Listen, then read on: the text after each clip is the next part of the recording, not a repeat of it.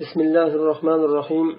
الحمد لله رب العالمين والصلاة والسلام على سيد المرسلين محمد وعلى آله وأصحابه أجمعين.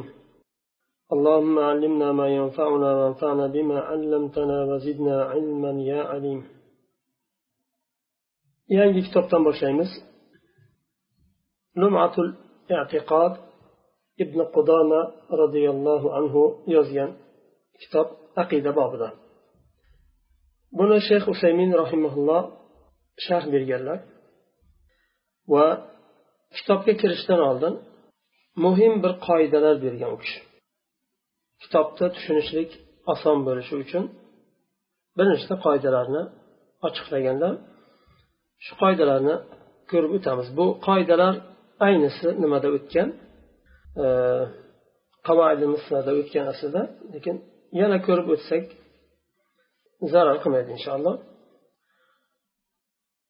قواعد هامة في الأسماء والصفات allohni ism va sifatlarida muhim qoidalar. قبل الدخول في صميم الكتاب أحب أن أقدم قواعد هامة فيما يتعلق بأسماء الله وصفاته صميم deb bir narsani aslini aytadi butun masalan aytaylik a'zolarni tutib turadigan asosiy insonni skelet deymizmi nima deymiz a'zolarni tutib turadigan bir insonni jasadini asli somim deyiladi bu kitobni asliga kirishdan oldin allohning ism va sifatlariga taalluqli bo'lgan muhim qoidalarni taqdim qilishni afzal deb bildim deyapti shayx rahimaulloh birinchi qoida al qoidatul ula في الواجب نحو نصوص الكتاب والسنة في أسماء الله وصفاته birinchi qoida alloh taoloni ism va sifatlarida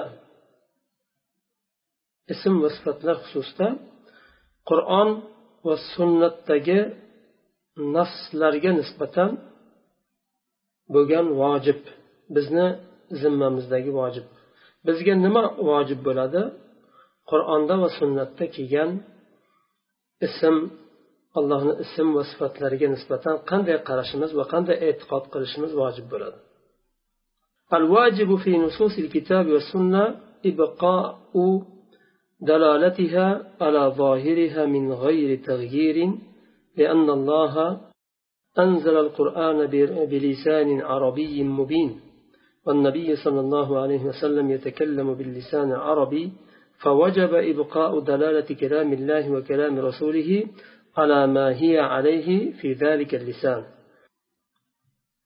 قرآن وسنة كيان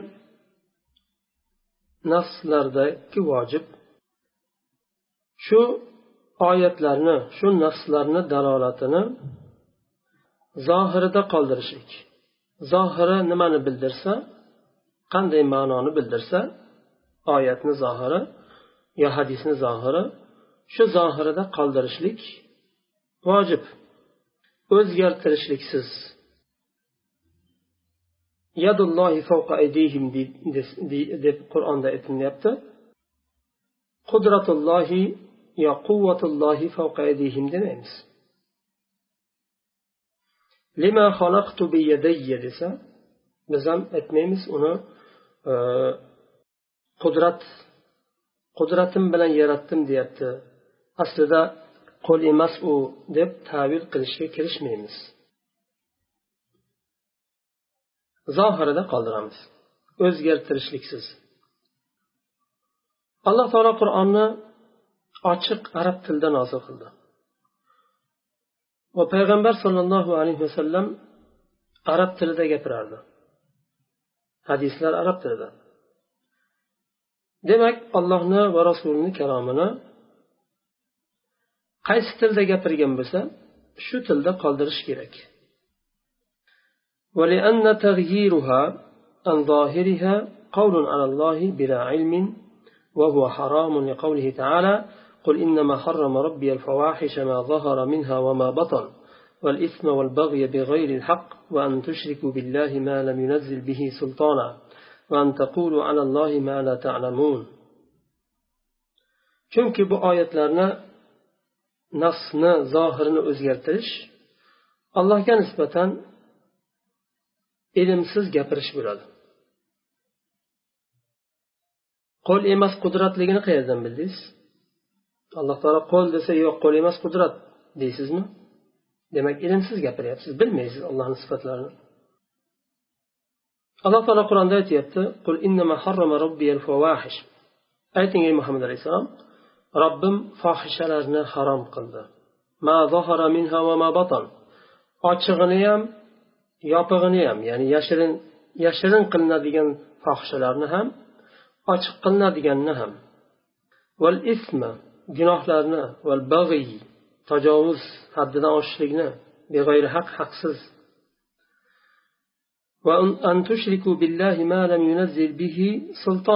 Alloh taolo bir dalil nozil qilmagan holda allohga sherik qilishni alloh taolo dalil nozil qilgan bo'lsa boshqa gap edi alloh taolo inkor qildi sherikni.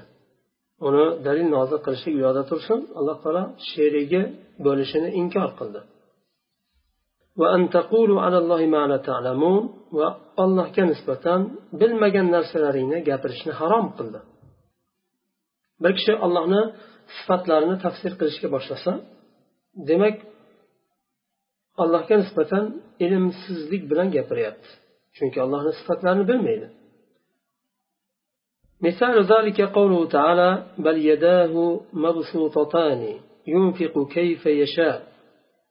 balki allohni ikkala qo'li ham ochiq istaganidek infoq qiladi buni misol tariqasida keltirilyapti فإن ظاهر الآية أن لله يدين حقيقيتين فيجب إثبات ذلك له فإن قال قائل المراد بهما القوة قلنا له هذا صرف للكلام عن ظاهره فلا يجوز القول به لأنه قول على الله بلا علم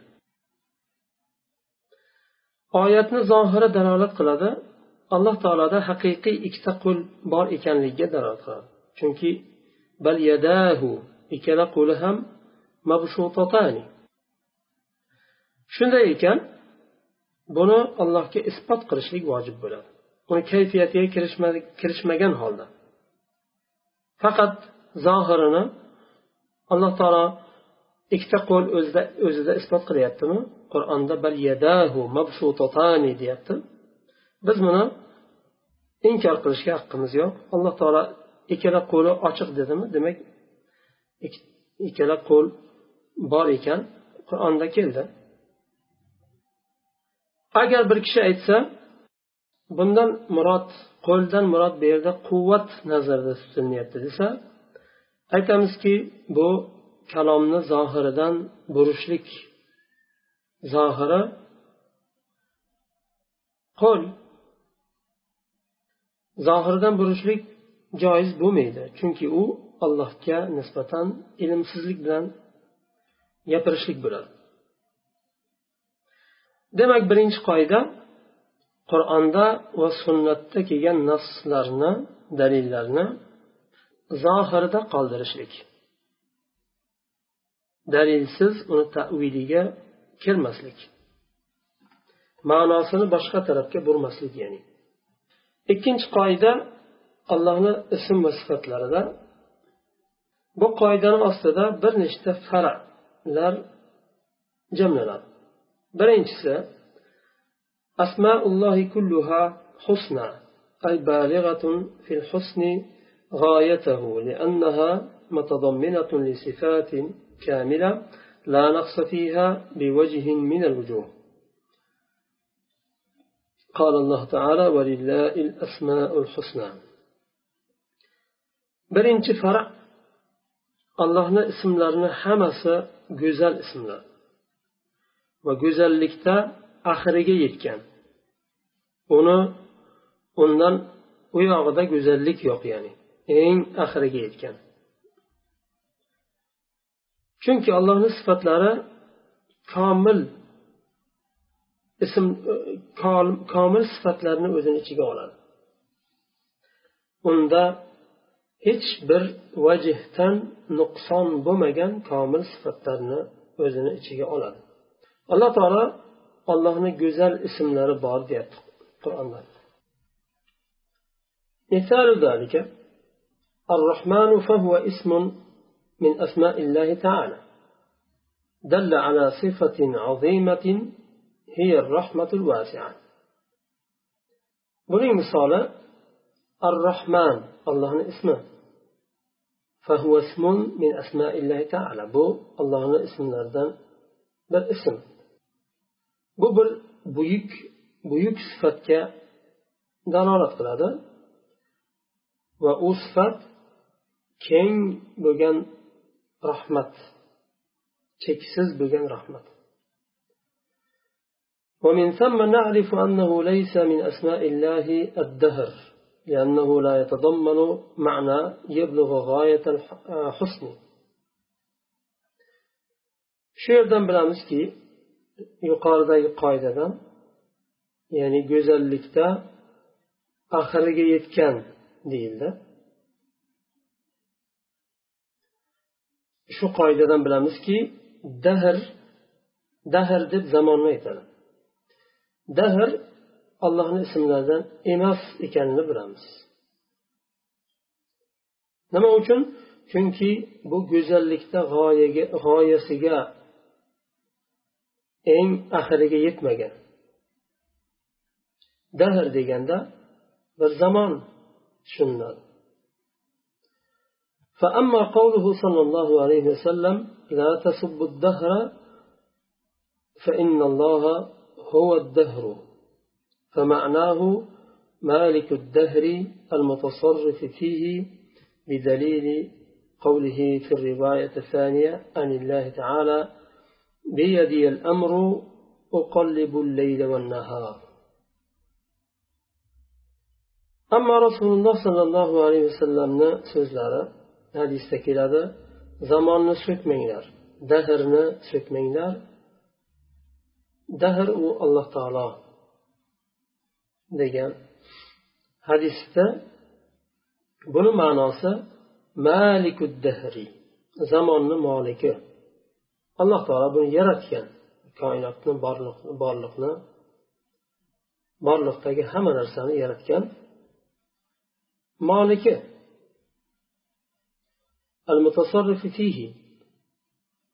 shu zamonda tasarruf qiluvchi zot alloh taolo. Allohni izni bilan bo'ladi har bir narsa. Allohni yaratgan qonuniga asosan ketadi hamma narsa. dalilingiz nima desa boshqa rivoyatda alloh taolo hadis qudusiyda aytyapti. Shu hadisni davomida.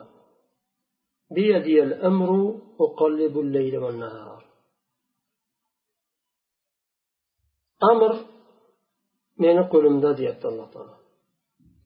Kechayu kunduzni almashtiraman zamonni so'kmanglar men zamonman deb kelgan hadis qudusiy bor. Shuni davomi bu.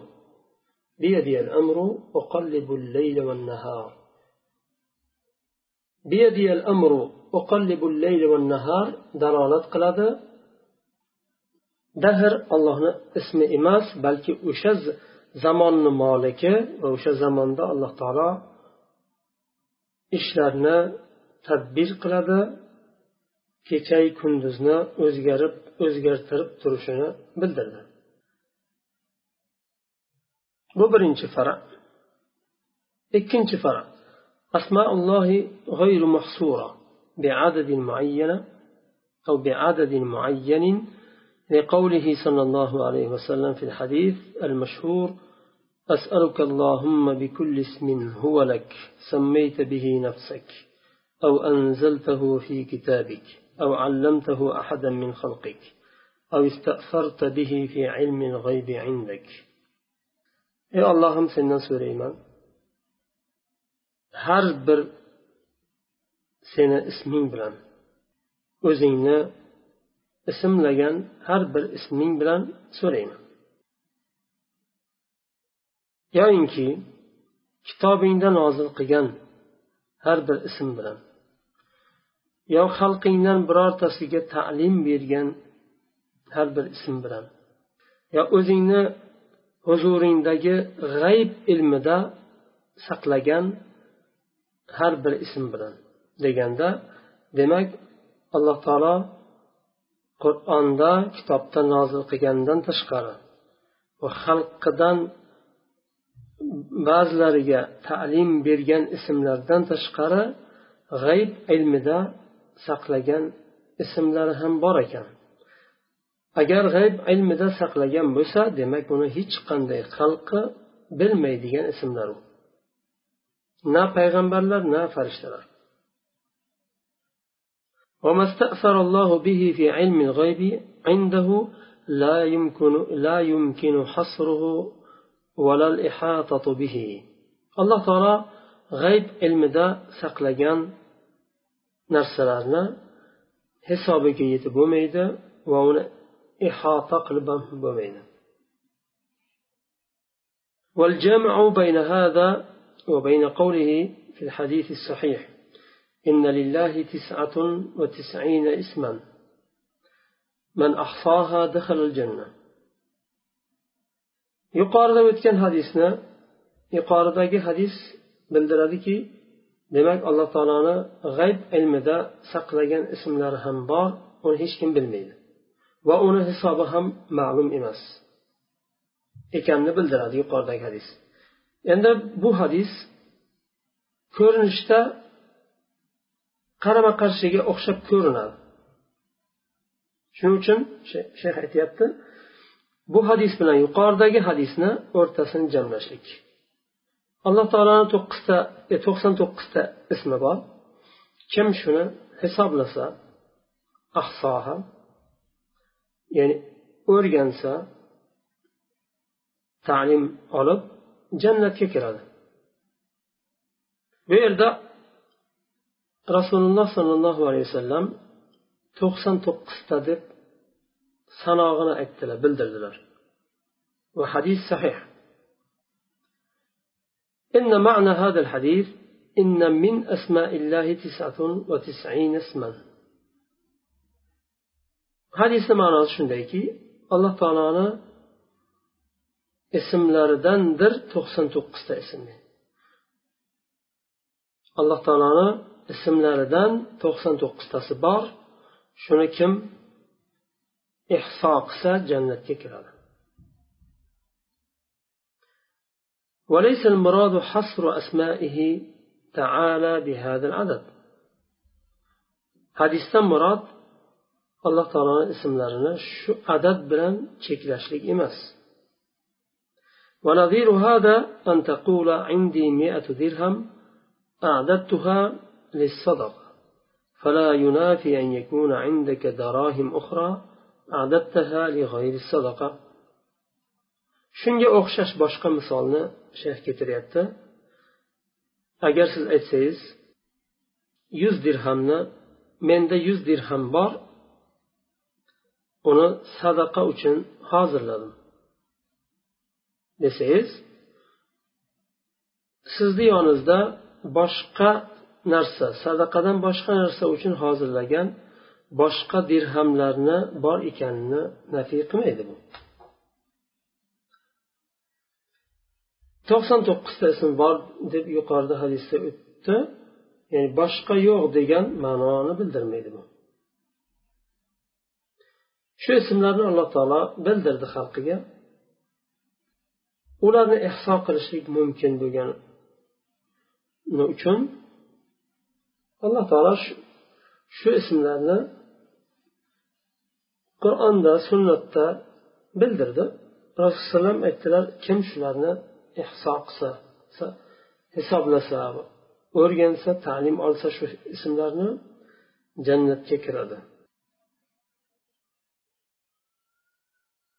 الفرع الثالث أسماء الله لا تثبت بالعقل وإنما تثبت بالشرع فهي توقيفية يتوقف إثباتها على ما جاء عن الشرع فلا يزاد فيها ولا ينقص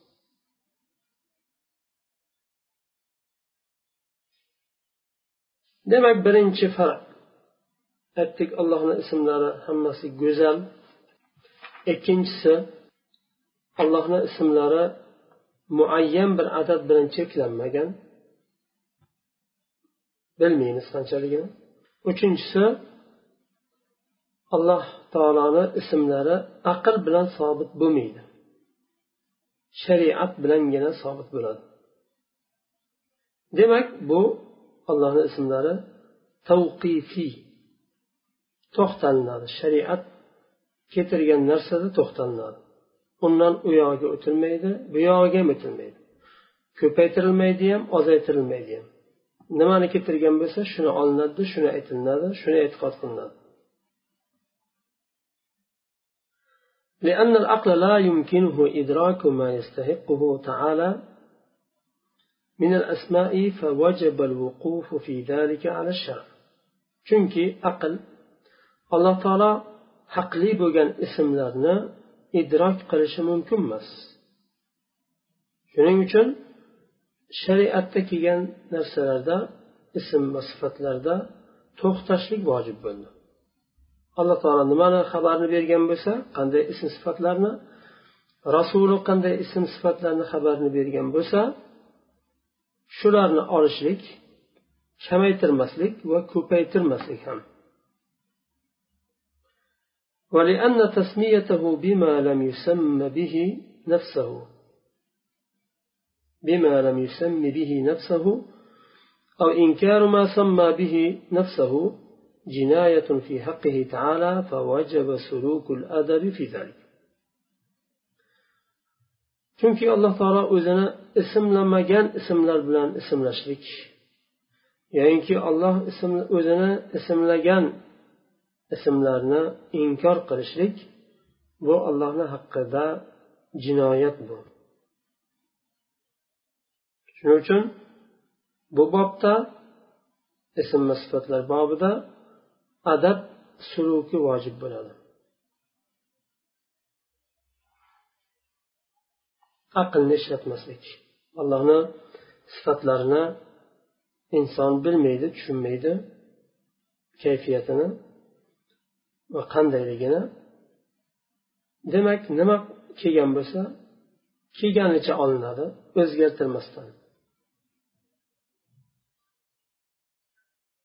الفرع الرابع تورتنش فرع كل اسم من أسماء الله فإنه يدل على ذات الله وعلى الصفة التي تضمنها وعلى الأثر المترتب عليه إن كان متعديا. ولا يتم الإيمان بالاسم بالاسم ديمس همزة قطعية يمس إلا بإثبات ذلك كله. Allohni ismlaridan har bir ism allohni zotiga dalolat qiladi va shu ism o'zini ichiga olgan sifatga dalolat qiladi. Va shuni taqozo qiladigan shuni orqasidan keladigan asarga dalolat qiladi agar mutaaddiy bo'lsa ismlar. Allohni ismlariga bo'lgan iymon komil bo'lmaydi. Magar shu ismlarni hammasini isbot qilishlik bilangina komil bo'ladi. Endi mutaaddiy bo'lmagan ismga misol keltiryapti. العظيم فلا يتم الإيمان به حتى نؤمن بإثباته اسما من أسماء الله دالا على ذاته تعالى وعلى ما تضمنته تضمنه من الصفة وهي العظمة غير متعدي مثال berilyapti al azim buyuk buyuklik bu bu sifatga bu ismga iymon komil bo'lmaydi toinki biz iymon keltirmagunimizcha isbot qilish bilan buni allohni ismlaridan bir ism deymiz allohni zotiga dalolat qiladigan ism deymiz Buyuk zotga va o'zini ichiga bir sifat olgan ism deymiz va bu sifat qanaqa? Buyuklik sifati ومثال ذلك في المتعدي متعدي ده مثال الرحمن فلا يتم الإيمان به حتى نؤمن بإثباته اسما من أسماء الله دالا على ذاته تعالى وعلى ما تضمنه من الصفة وهي الرحمة وعلى ما يترتب ترتب عليه من أثر وهو أنه يرحم من يشاء. أنا متعدي مثال الرحمن. إيمان كامل bo'lmaydi bu ismga bo'lgan hatto biz buni ollohni ismlaridan bir ism deb isbot qilmagunimizcha va bu ism allohni zotiga dalolat qiladi. Ar rohman va o'zini ichiga rahmat sifatini oladi. Bu ism. Va orqasidan keladigan buni asariga ham iymon keltiramiz. U bo'lsa alloh taolo istaganiga rahm qiladi. istagan bandasini rahm qiladi القاعدة الثالثة في صفات الله الله صفات لردقة عند uchinchi qoida buni ham ostida bir nechta farqlar bor birinchisi sifatullohu kulluha uliya allohni sifatlarining hammasi oliydir صفات كمال ومدح ليس فيها نقص بوجه من الوجوه كامل صفتلر ومدحلر وبرار بر وجهتن نقص بومجن صفتلر hayot ilm qudrat sama basor hikmat rahmat uluv oliylik shularga o'xshagan allohni go'zal buyuk oliy sifatlari bor ولأن الرب كامل فوجب كمال صفاته chunki rob komil zot komil zot bo'lgani uchun sifatlari ham kamoliga yetgan komil sifatlar bo'lishligi vojib bo'ladi وإذا كانت الصفة نقصا لا كمال فيها فهي ممتنعة في حقه كالموت والجهل والعجز والصمم والعمى ونحو ذلك. أجر صفات ناقص صفات بسان. unda komillik bo'lmagan noqis sifat bo'lsa bu allohni haqqida mumtani bo'ladi mumkin emas o'lim jahl bilmaslik va ojizlik va kar eshitmaslik va ama ko'rmaslik bu sifatlar hammasi noqis sifatlar لأنه سبحانه عاقب الواصفين له بالنقص ونزه نفسه عما يصفونه به من النقائص chunki alloh taolo o'zini nuqson bilan sifatlaganlarni azoblashlikni aytdi va o'zini bu nuqson sifatlardan pokladi ولأن الرب لا يمكن أن يكون ناقصا لمنافاة النقص للربوبية الله تعالى ناقص bo'lishligi mumkin emas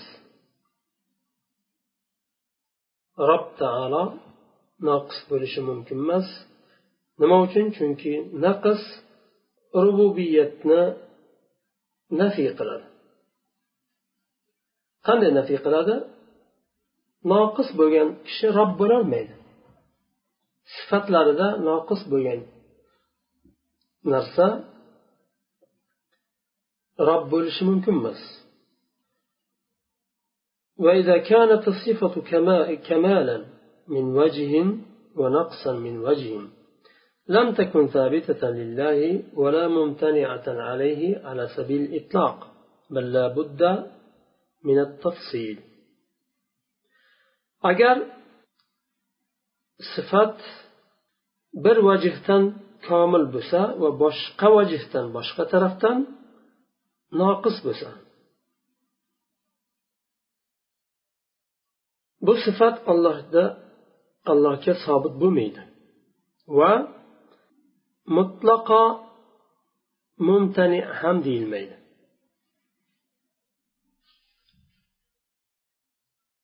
balki tafsilotiga kiriladi misollari keladi فتثبت لله في الحال التي تكون كمالا komil bo'lgan holda allohga sobit bo'ladi noqis bo'lgan holda allohga nisbatan mumtani bo'ladi masalan makr kayd hida bu sifatlar bir o'rinda komil bo'lsa boshqa o'rinda noqis bo'ladi فهذه الصفات تكون كمالا إذا كانت في مقابلة مثلها bu sifatlar yuqorida sanab o'tilgan uchta sifat. O'ziga o'xshagan ya'ni shu sifatlarga o'xshagan makr hiyla qilingan vaqtida uni muqobilida aynan shu ularni makriga yarasha makr bilan javob qaytarishlik bu komillik bo'ladi. Chunki ular bir makrni boshladi. masalan allohni dushmanlari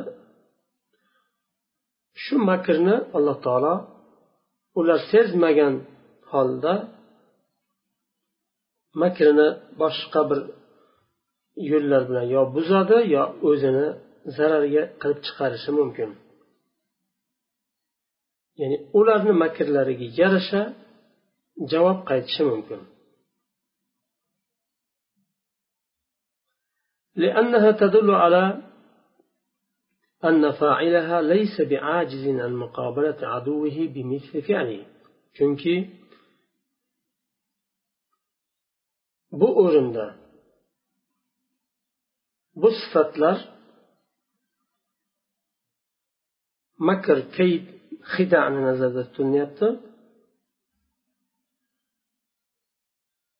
dushmanlari allohni dushmanlari makr kayd va hida bilan muomala qilganda allohga nisbatan alloh taolo ularni muqobilida aynan ularni fe'li bilan javob berishligi naqs hisoblanmaydi. Agar shunday javob berilmasa ojizlikka o'xshab qoladi.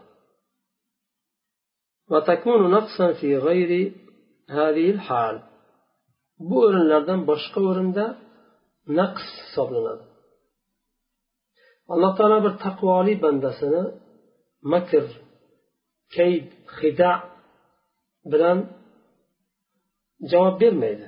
Ibodatiganing muqobiliga masalan yo sodiqlik samimiyligini muqobilida makr kayd xida qilinmaydi. Bu noqis bo'lgan sifatlar bu o'rinda.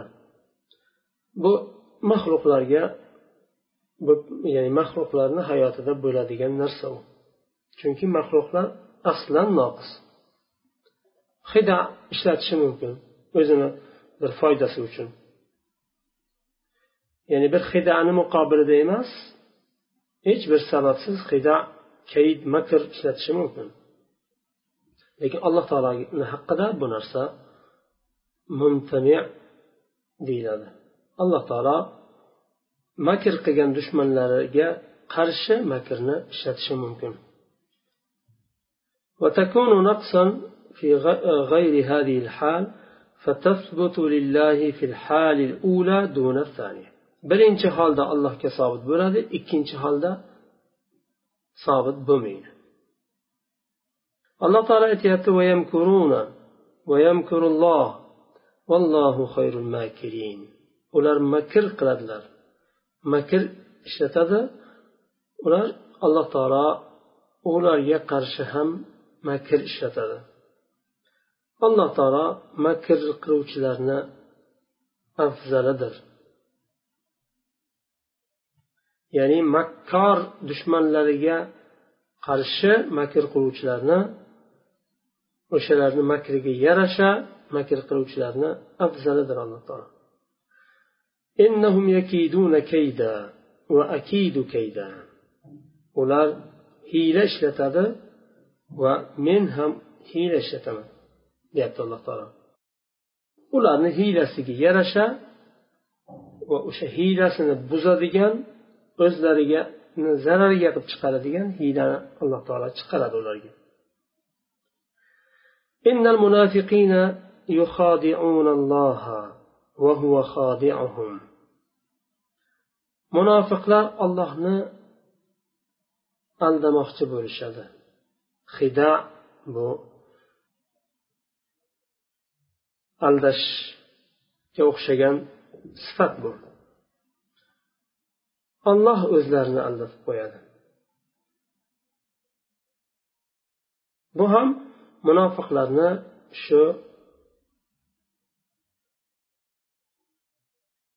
noqis sifatlariga buzg'unchilik nimalariga yarasha o'zlarini amallariga o'xshagan amal bilan alloh taolo ularni mag'lub qiladi فإذا قيل هل يوصف الله بالمكر مثلا alloh taolo makr bilan sifatlanadimi deb so'rasa bir kishi فلا تقل نعم. ها دمين ولا تقل لا. يوق هم دمين الله تعالى مكر بلن صبر اسم لنا دمى صفات لنا دمى دب سورسا ها يم دميسس يوق هم دميس ولكن قل هو ماكر بمن يستحق ذلك. لكن lekin shunday deysiz makrga haqli bo'lgan larga nisbatan alloh taolo makrni ishlatadi. Vallohu alam. Makkor qavmlar allohga qarshi diniga qarshi makr ishlatadiganlarga qarshi alloh taolo makrni ishlatadi. Ikkinchi farq sifatullohi tanqasim ila qismayn subutiyya va salbiyya allohni sifatlari subutiy va salbiy sifatlarga bo'linadi. فالثبوتية ما أثبتها الله لنفسه كالحياة والعلم والقدرة ويجب إثباتها لله على الوجه اللائق به لأن الله أثبتها لنفسه وهو أعلم بصفاته. ثبوتية نما الله تعالى o'zi uchun isbot qilgan ismlar sifatlar bu subutiya sobit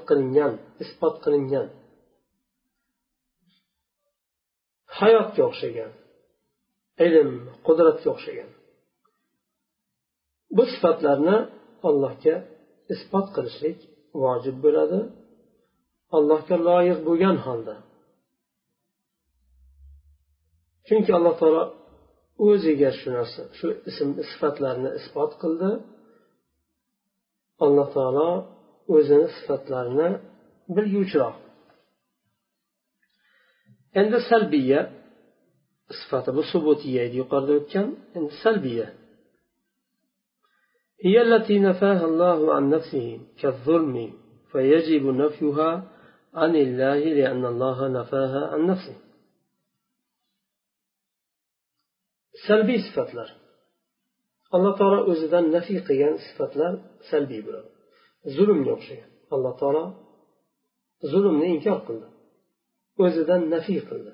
Chunki alloh taolo zolim emas rahim halim karim eng go'zal sifatlarga ega alloh taolo.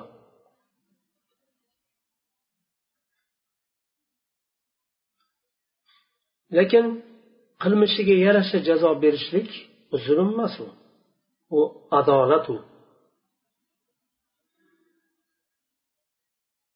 Alloh taolo o'zidan nafiy qildi bu sifatni zulm sifatini.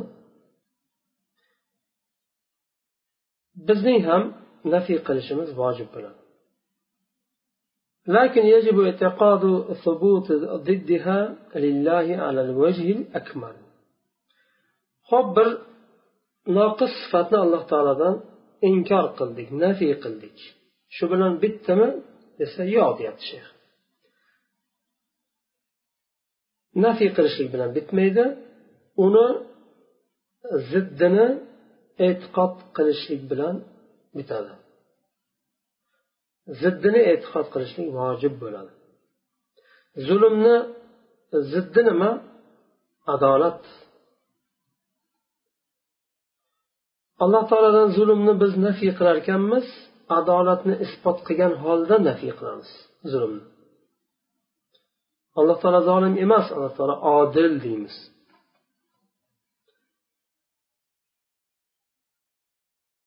لأن النفي لا يكون كمالا حتى يتضمن ثبوتا chunki nafiy kamolotni bildirmaydi kamolotni bildirmaydi masalan ko'r emas kar emas deb aytilinmaydi faqatgina nafiy nafiy nafiy qilib ketaverilmaydi ko'r emas kar emas e, johil emas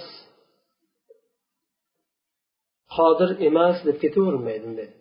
Alloh taolo qodir deyiladi. Uni aksini e'tiqod qilinadi.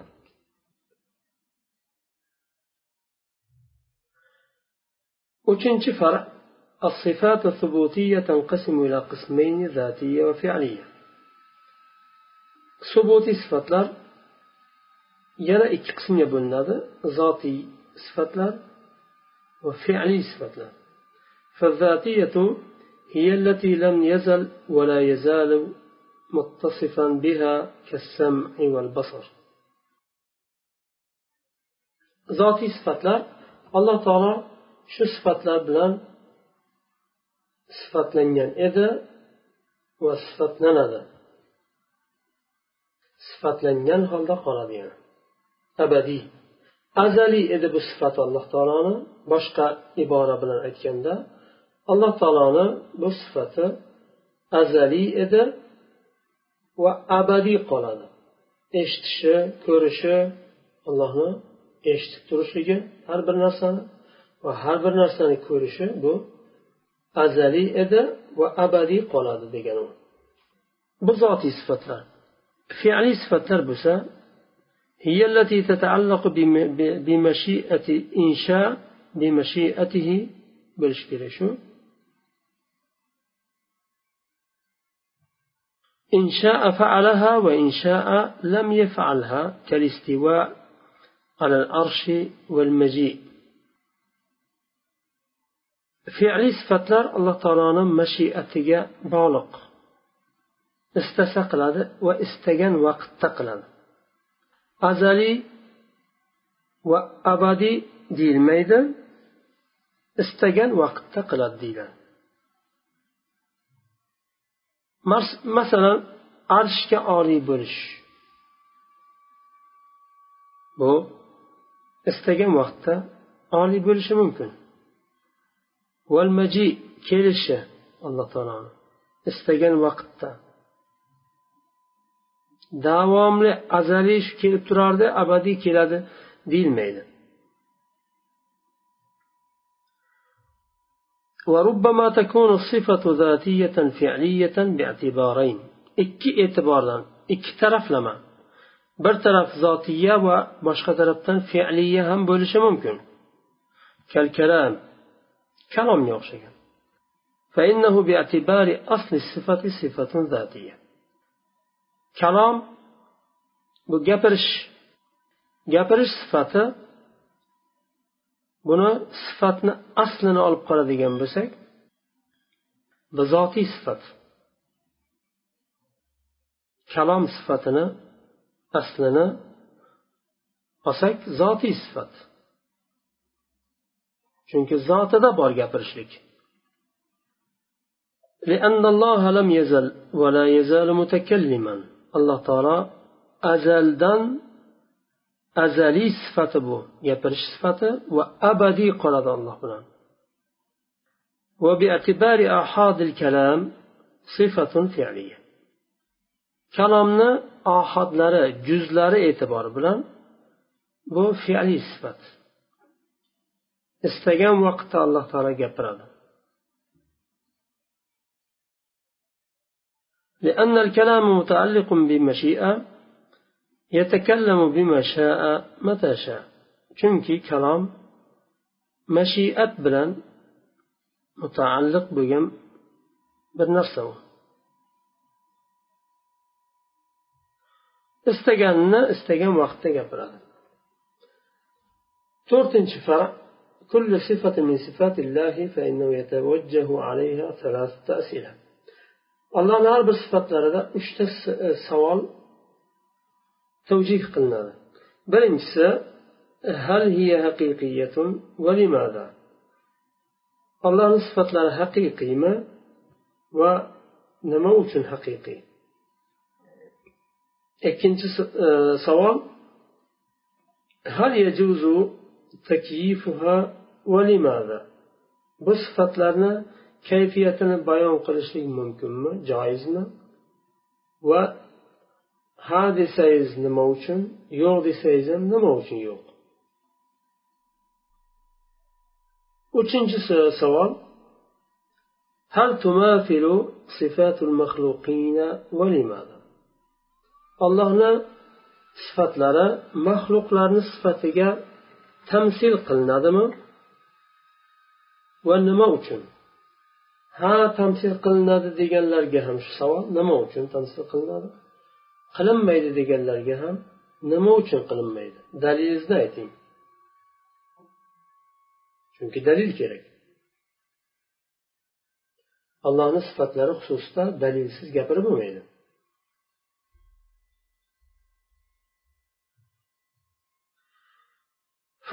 فجواب السؤال الأول برين سؤال جوابه نعم حقيقية لأن الأصل في الكلام الحقيقة. ها بو الله اسم صفات لرا haqiqiydir chunki kalomdagi asl haqiqat majoz emas majozga qachon o'tadi haqiqatdan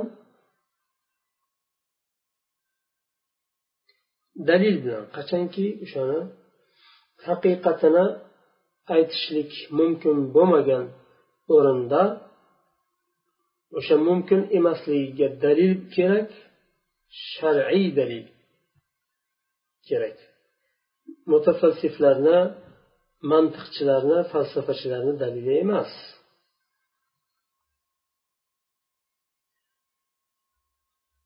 Dalil bo'lsa تأويل قلنا دليل بمسا تأويل قلم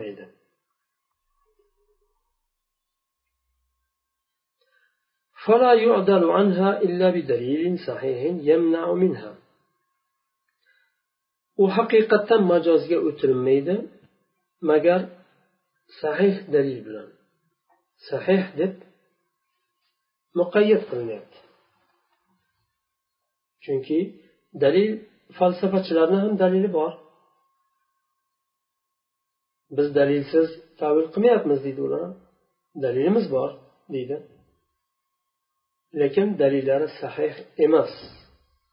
Sahih bo'lgan dalil kerak. Minha haqiqatdan man qiladigan dalil bo'lishi kerak. Haqiqatni man qiladigan bo'lsa demak imkonsiz nimaga qarab yuriladi majozga va tavilga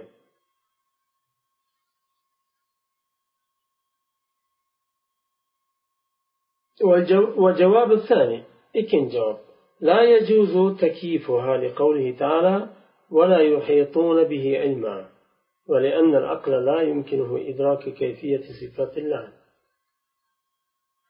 كيفية برشهم كيفيتنا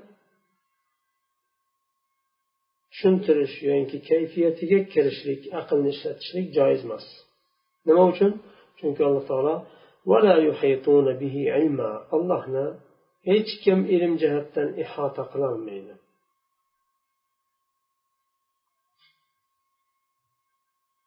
ولأن العقل لا يمكن لا يمكنه إدراك كيفية صفات الله chunki alloh taoloni sifatlarni kayfiyatini bilishlik mumkin emas. Aql buni bilolmaydi. Uchinchi javob la tumatilu sifati maxluqin alloh taoloni sifatlari maxluqlarni sifatlariga o'xshamaydi va mumosil bo'lmaydi.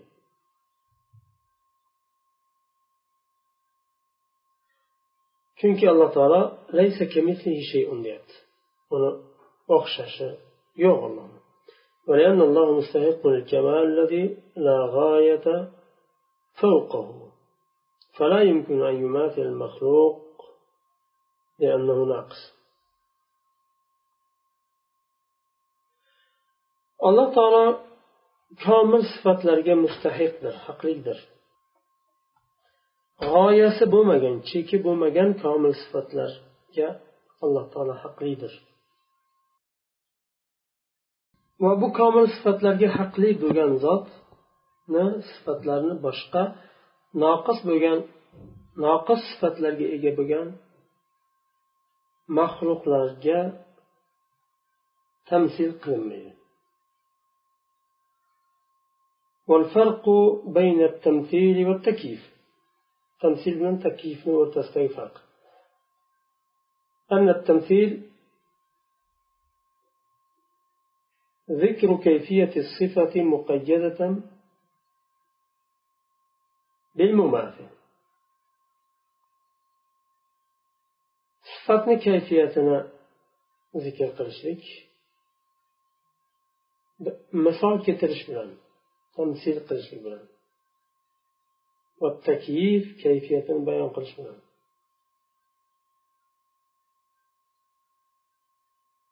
دمك تمثيل sifatni kayfiyatini zikr qilish bir misol bilan muqayyat qilgan holda. Va takyif bo'lsa bir sifatni kayfiyatini zikr qilish va bir misol bilan muqayyat qilmagan holda. Ikkalasini o'rtasidagi farq. Misol takyif. أن يقول قائل يد الله كيد الإنسان kayfiyatini bayon qiluvchi kishi so'ziga misol aytishi mumkin alloh taoloni qo'li insonni qo'li kabi o'xshagan deb bir misol keltiryapti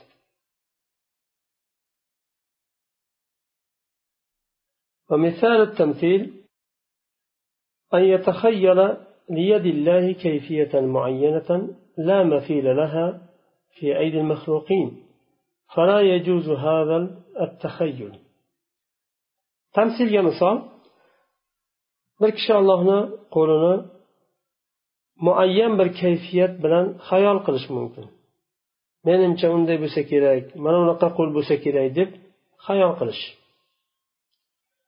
va maxluqlarni qo'llariga o'xshamagan boshqa bir narsalarni tasavvur qilishi mumkin va bu tasavvur xayol qilishlik mumkin emas القاعدة الرابعة فيما نرد به على المعطلة معطلة ular allohni ism va sifatlarini bekorga chiqaradiganlar to'rtinchi qoida muattilalarga raddiya berish xususida المعطلة هم الذين ينكرون شيئا من أسماء الله أو صفاته ويحرفون النصوص عن ظاهرها ويقال لهم المؤولة معطلة كم ولا ولا الله نسم لنا إنكار قلش هذا يصفت لنا va naslarni o'zgartirishadi zohiridan ularga muavvil ya'ni tavil qiluvchilar deyiladi tavilchilar mu'tazila shunga kiradi والقاعدة العامة فيما نرد به عليهم أن نقول إن قولهم خلاف ظاهر النصوص وخلاف طريقة السلف وليس عليه دليل صحيح وربما يكون في بعض الصفات وجه رابع أو أكثر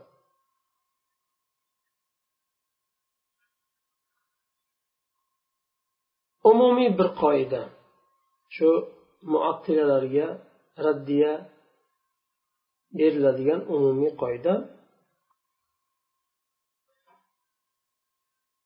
aytamizki ularni so'zlari naslarning zohiriga xilofdir va yana salaf solihning tariqatiga xilofdir.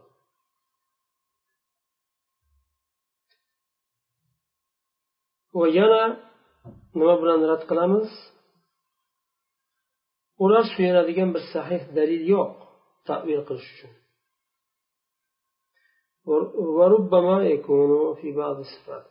Ba'zi sifatlarda to'rtta vajh yo to'rttadan ham ko'p vajh bo'lishi bo'lishi mumkin. Ho'p shu yerda to'xtaymiz. Kelasi darsdan lumatul e'tiqod kitobiga kiramiz. Bu muqaddimayda shayx rahimaulloh kitobga kirishdan oldin muhim qoidalarni yana eslatib o'tdi. Ularni yaxshilab yodlab o'zlashtirib olish kerak. kitobga qaramagan holda tadbiqiy bir misol kelganda to'g'ri yechimini topib biladigan darajada shu qoidalarni yodlab ma'nosini yaxshi tushunish kerak سبحانك اللهم وبحمدك أشهد أن لا إله إلا أنت أستغفرك وأتوب إليك